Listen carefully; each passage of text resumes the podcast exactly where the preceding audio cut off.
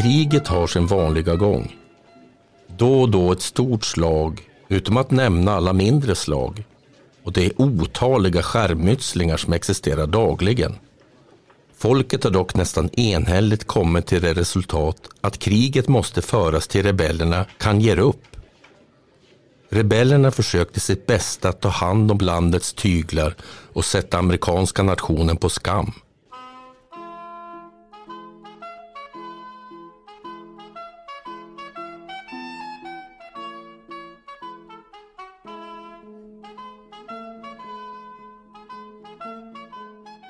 Hej och välkommen till Arkivpodden, Dokumenten berättar och det tredje och sista avsnittet i portföljetongen Olofs dröm om Amerika. Jag heter Martin Anström och med mig i studion har jag Jim Hedlund. Hej Jim! Hej hej! Följetongen är byggd på en brevsamling ur Jonas Nilsson i Bångsjös och Olof Liljegrens arkiv som vi har här på Riksarkivet i Östersund. Vi vill också påpeka att Olof Liljegren i sina brev använder sig av ord och benämningar av folkslag som inte riktigt är brukliga idag. Vi har valt att behålla dem eftersom det är Olofs egna ord som han själv har valt och för att inte förvränga originalkällorna. Sen vill vi även varna känsliga lyssnare att vissa av breven i det här avsnittet har väldigt våldsamt innehåll. I förra avsnittet så fick vi höra om Olof Liljegrens upplevelser som soldat för kompani D i det tredje Minnesota-regementet. Eh, det var ju ganska mycket krigspropaganda och dramatik. Och Liljegren och hans kompani blev ju faktiskt tillfångatagna av rebellerna. Ja, ja, där fick de vara med om en ganska tuff resa tror jag. Ja. Och, och Liljegren fick ju också erfara att rebellerna som han har ju tidigare beskrivit dem som odjur. Nu visade Ja, det sig ju ja. att de var både, både mänskliga och, och ibland riktiga gentlemän. The Yankees och Rebels som man sa hade ju samtalat vänligt med varandra och, och till och med lovade att behandla varandra med respekt ifall rollerna skulle bli ombytta. Ni vill veta hur länge vi var fången. Det var mer än fyra dagar. De två första dagarna och en natt fick vi marschera i stark solhetta. Vi hade och ingenting att äta, ty rebellerna förde inga transporter med sig. Det vill säga de mindre trupperna såsom cavalry, de lever på böndernas bekostnad. På den vägen vi reste fanns ingenting att få, ty där har båda våra och rebellernas soldater rest igenom åtskilliga gånger. Folket hade knappast någonting själv att äta. När vi hade kommit undan ett bra stycke så de kände sig säker så blev vi paroled, det vill säga lösgiven på hedersord att icke bära arms eller ta upp vapen emot the Confederal States of America förrän vi var lagligen utväxlade. Vägen tillbaka hade vi ej sträng vakt. Vi fick gå som vi ville och tigga födan som vi ville tills vi kom inom våra egna linjer då vi fick vad vi ville eller behövde. Sen låg vi på Benton Barracks, St. Louis, Missouri en tid. Och under den tiden slog vi indianerna. Och när det var över fick vi igen våra officerare. Nu ligger vi i Kairo, Illinois. Vi har varit här i två dagar. Vi har rest 600 miles på fyra dagar från Minnesota och är nu på väg mot fienderna igen. Jag har varit löjtnant sedan den 2 augusti. Man begärde ej på min commission utan jag fick den då jag kom från indiankriget av guvernören eller landshövdingen. Andra hade rekommenderat mig. Jag har nu 105 dollar i månaden. Jag håller mig själv med kläder och föda och hyra två uppassare om jag vill ha dem. Jag sänder min hälsning till alla. Eders son Liljegren. I det här brevet kommer det ju fram att Olof har befordrats till löjtnant. Ja, Han skickade ju även hem ett porträtt till pappan på sig själv i löjtnantsuniform. Mm. Eh, Det måste ju ha gjort pappan både stolt och glad, tänker jag. Ja, ja det borde det ha gjort. Och, och Olof han blev ju befordrad till löjtnant just vid den här insatsen vid den här striden 1862 när han blev tillfångatagen. Mm. Han gjorde ju ändå en ganska stor insats och höll förlusterna nere som man säger. Jo. Och angående det här porträttet, eller ja det är ju en tavla. Den finns faktiskt kvar hos släktingarna till Olof hemma i Bågsjö idag. Jaha, Ja. vad häftigt. Ja, Så på ett sätt så kom han tillbaka hem till Bågsjö ja, ja, genom sätt, tavlan då. ja, på ett sätt kom han nog hem. Ja. Men du Jim, han skriver ju också om att de hade varit i strid med ursprungsbefolkningen, alltså Sioux-indianerna. Vad handlar det om? Ja, och det här måste ju ha dragit igång massor med, med inre bilder och, och, och även diskussioner för dem där hemma i Jämtland. Ja, säkert. För under sommaren år 1862 då inträffade ju en oundviklig kollision mellan just Minnesota Sioux och de här nybyggarna. St. Paul, Minnesota, januari the second, 1863. Min käre fader. För två månader sedan hörde jag att ett brev hade anlänt till Stillwater från Sverige, vilket jag förmodar var från eder. Men det gick mig förlorat. Jag var då på en expedition mot indianerna och brevet tog gå ut på port officen och sändes till mig men jag har aldrig hört något mer än det. Sist jag skrev var jag dålig av frossan men det varade ett kort tag. Nu har jag ledigt ty regementet har permission för 15 dagar tills vi får våran betalning. Men folket här i Minnesota vill att vi ska vara här och skydda dem från indianerna. Efter att vi hade slagit mot indianerna vid Woodsocken har de hållit sig på avstånd. Vi tog 1700 fångar på den expeditionen inberäknat barn och skås. Alla indianerna har varit under ransakning och 300 av dem blev dömda att hängas. Utslaget blev sänt till Washington till presidenten att sanktioneras. Men det gick icke fort för utslaget att komma. Folket blev otåliga på att vänta de var även rädda att presidenten skulle benåda dem eller mildra deras välförtjänta dom. Ty många som icke har lidit någon skada har satt sig däremot. Synnerligast folket i Philadelphia och i de östra staterna. Följden blev att folket ville ta saken i sin egen hand. En natt hade sitsen samlat sig omkring 200 man stark med vapen av alla slag och närmat sig kampen där de convicted indianerna låg och de tänkte med all säkerhet döda dem alla. Men soldaterna avhöll dem från att komma in, vilket olyckan var. Men nu har det kommit orders att 39 ska hängas. Vad presidenten tänker göra med resten av dem är okänt. Men en ting vet jag. Folket låter dem icke gå med livet.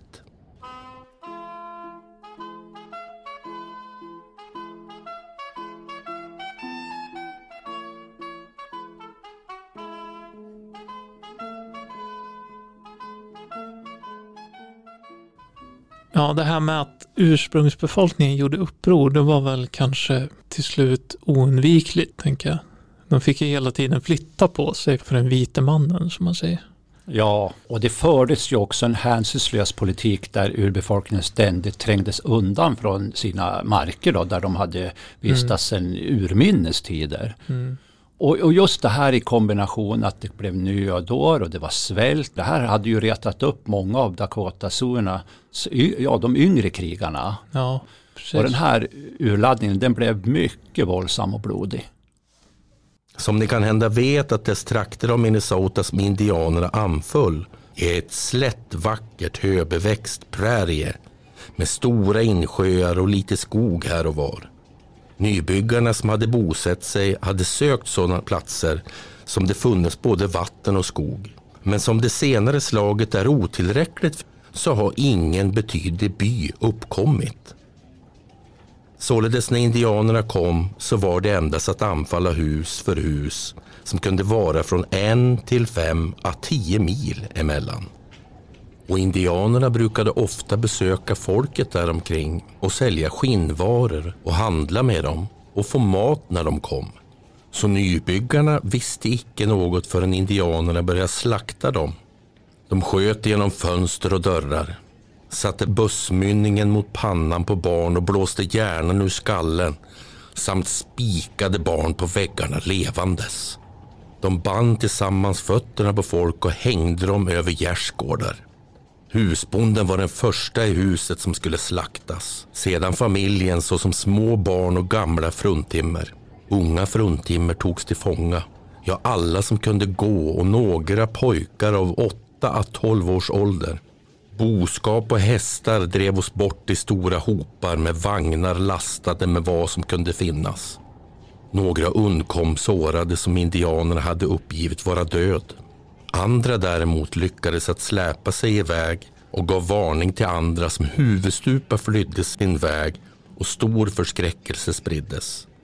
Man flydde i största hast, många hästar och vagn eller oxar med hela familjer i vagnen. Överföll oss på vägarna när de skulle fly och slaktades med kniv eller tomahawk, eller också sköts de.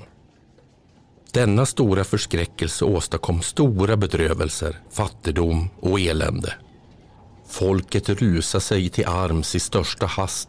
Medborgare av alla klasser formade kompanier och byggde förskansningar omkring städer och byar och byggde försvarsverk och således försvarade sig själv till trupperna skulle komma och hjälpa dem.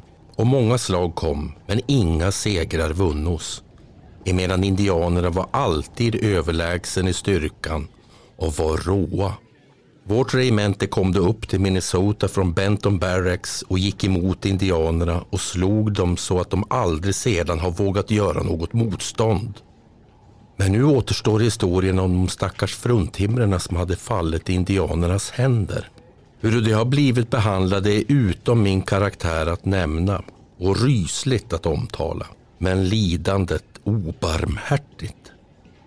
Vi tog fri mest alla fångar de hade ifrån dem och de var så glada när vi tog dem att de grät av glädje och prisade oss och Gud ehuru de var så illa behandlade att de knappast kunde gå. Ibland de var både norska och svenska flickor och mest unga fruntimmer av 14 16 års ålder, är mellan 60 till 70 till antalet.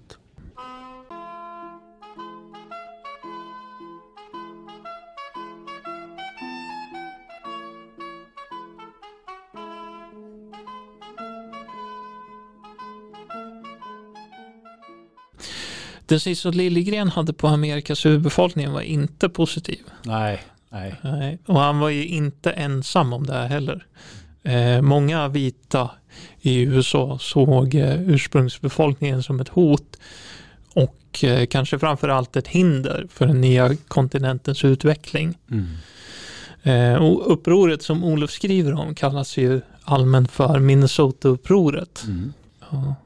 Men vad var, det som, vad var det egentligen som hände under eh, Minnesota-upproret?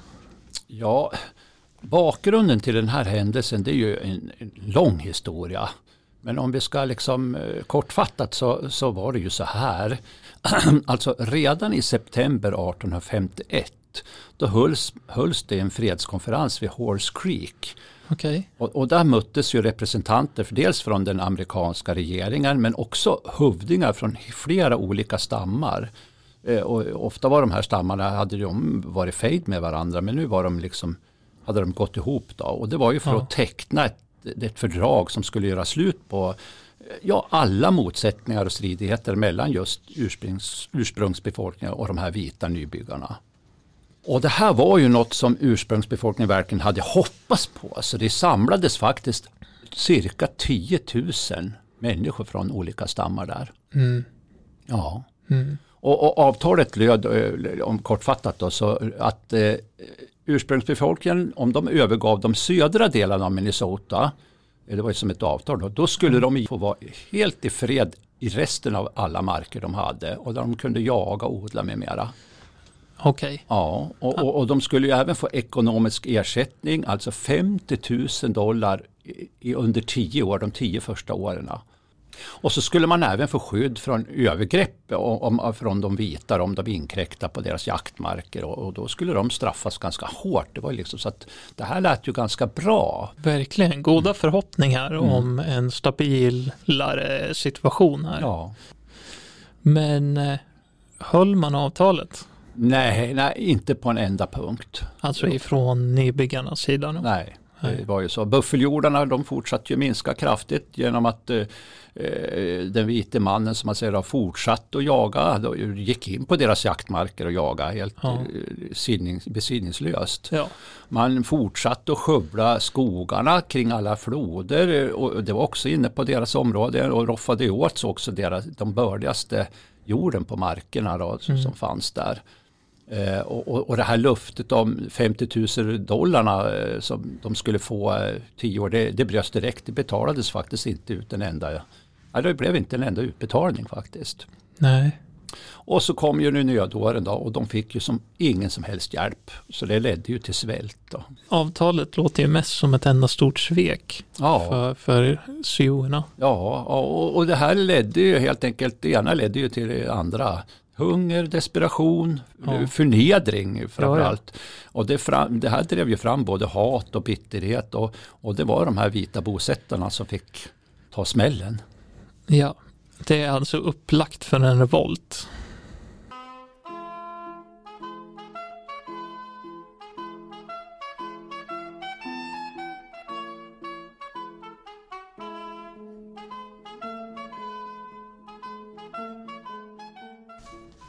I samma brev som eh, Liljegren berättar om det här blodiga eh, upproret så avslutar han även det här med att, att berätta om inbördeskriget som inte gick så bra.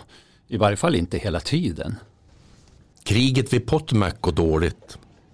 General Burnshead har förlorat slaget vid Fredricksburg samt 13 055 man dödade och sårade. General McClellan, McDowell, Buell och Porter med flera är under ransakning angående oskicklighet och liknöjdhet i krigsförandet. Jag har nu tillbringat en lång tid här i Sankt Paul. Överlevt både jul och nyår, men nu hoppas jag snart få lämna.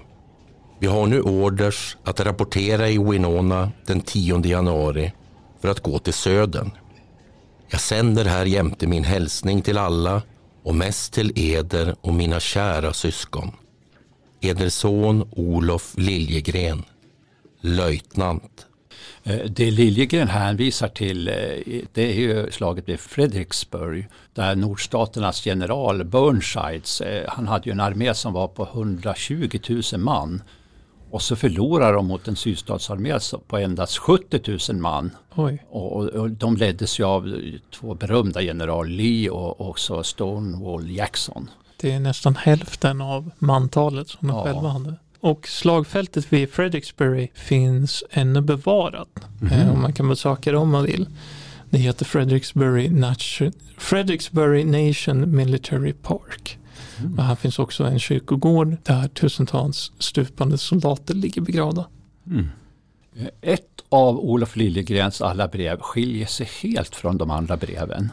I det här brevet ägnar han hela sin text till den unge gossen Jonas Olof som bodde hemma i Bågsjö i Jämtland. Min kära fader. För en liten tid sedan skrev jag till eder, men nu då lägligt tillfälle gives får jag sända några rader. Jag har ofta tänkt på Jonas Olof, den stackars lilla pojken. Hur illa det är för honom, stackars gosse, som är född så gott som utan både far och mor. Han har det utan tvivel bra nu medan han är under edert beskydd. Men det blir ej länge.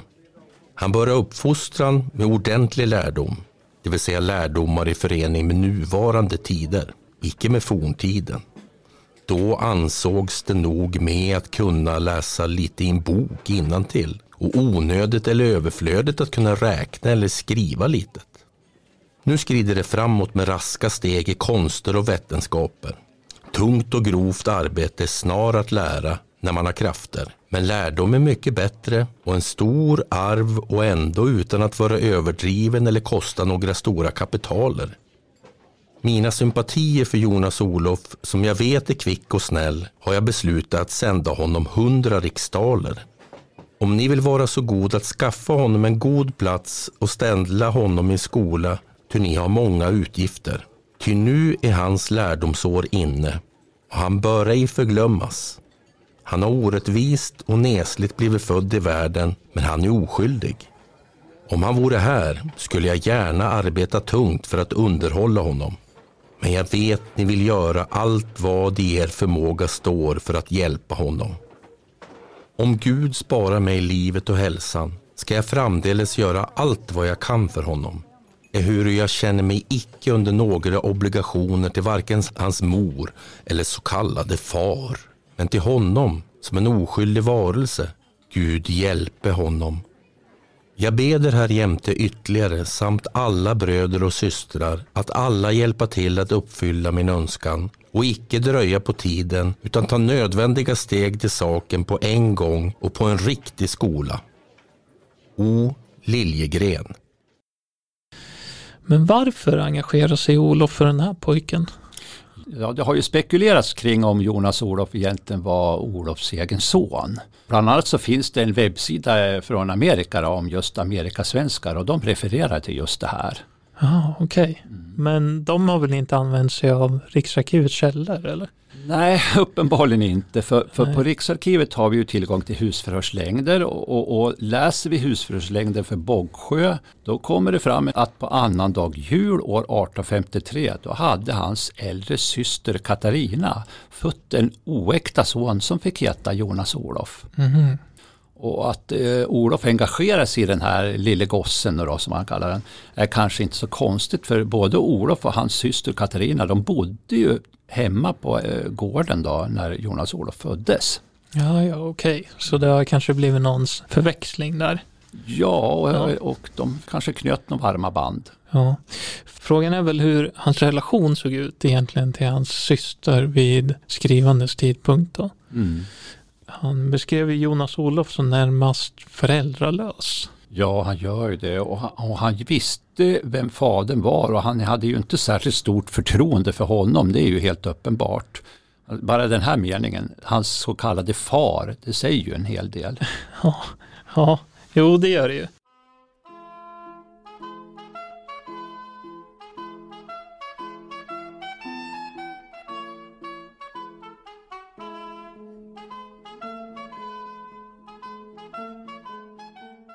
Men eh, tillbaka till kriget. Ja.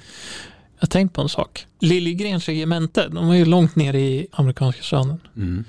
Han måste ju ha varit i samhällen som hade slavar, eller hur? Ja, visst, Liljegren beskriver ju både den misär och hopplöshet som kriget för med sig för civilbefolkningen i södern. Mm. Men, men, även hur svarta människor som tidigare hade varit slavar då verkligen var glada över att ha blivit befriade.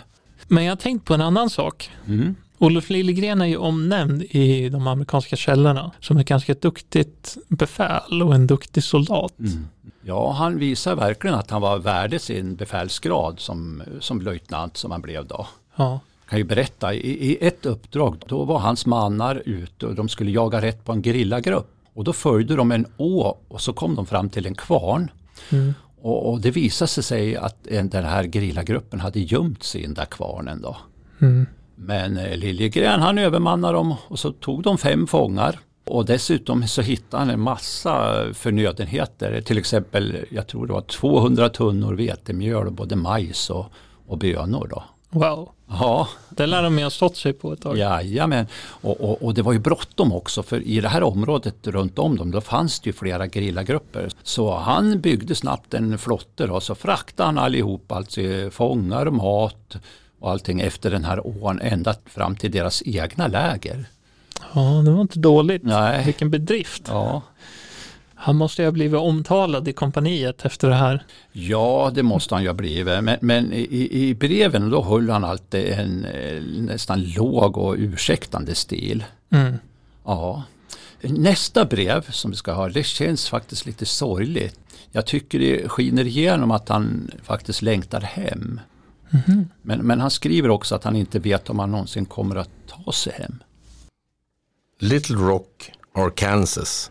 April the 20th 1864. Min kära fader. Idag den 26 april fick vi order att vara färdiga att gå vilken minut som helst på en lång marsch. Och vi vet ej om den kommer att vara i en vecka eller hela sommaren. Således är jag tvungen att skynda mig för att sända er dessa få rader. Jag finner i alla breven från eder att ni bekymrar eder så mycket om mig, vilket jag tycker är onödigt.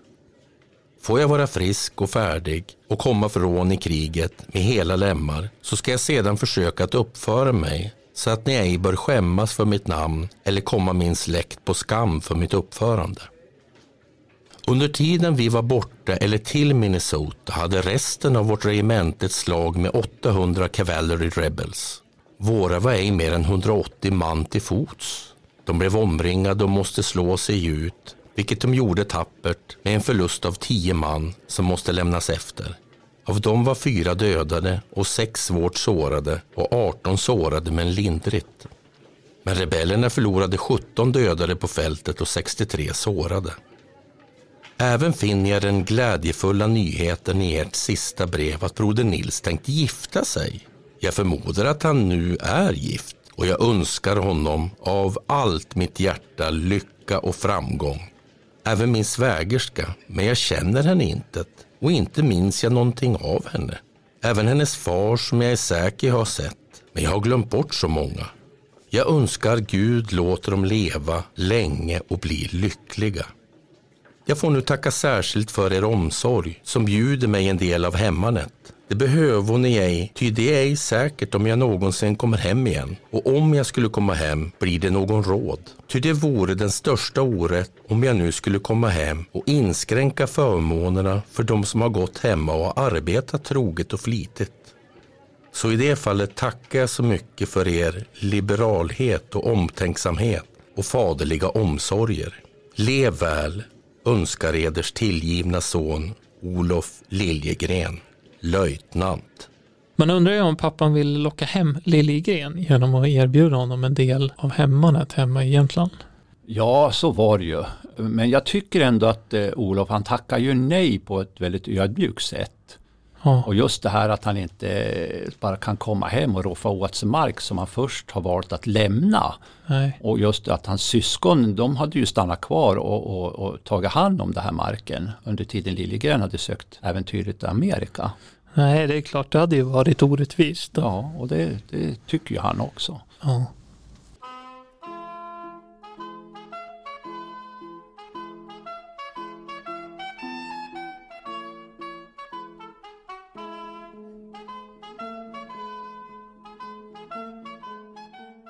Olof Liljegrens kompani skulle ju till slut hamna nere i Pine Bluff i Arkansas. Mm. Och många beskrev ju den här staden som den mest ohälsosamma i hela södern. ja.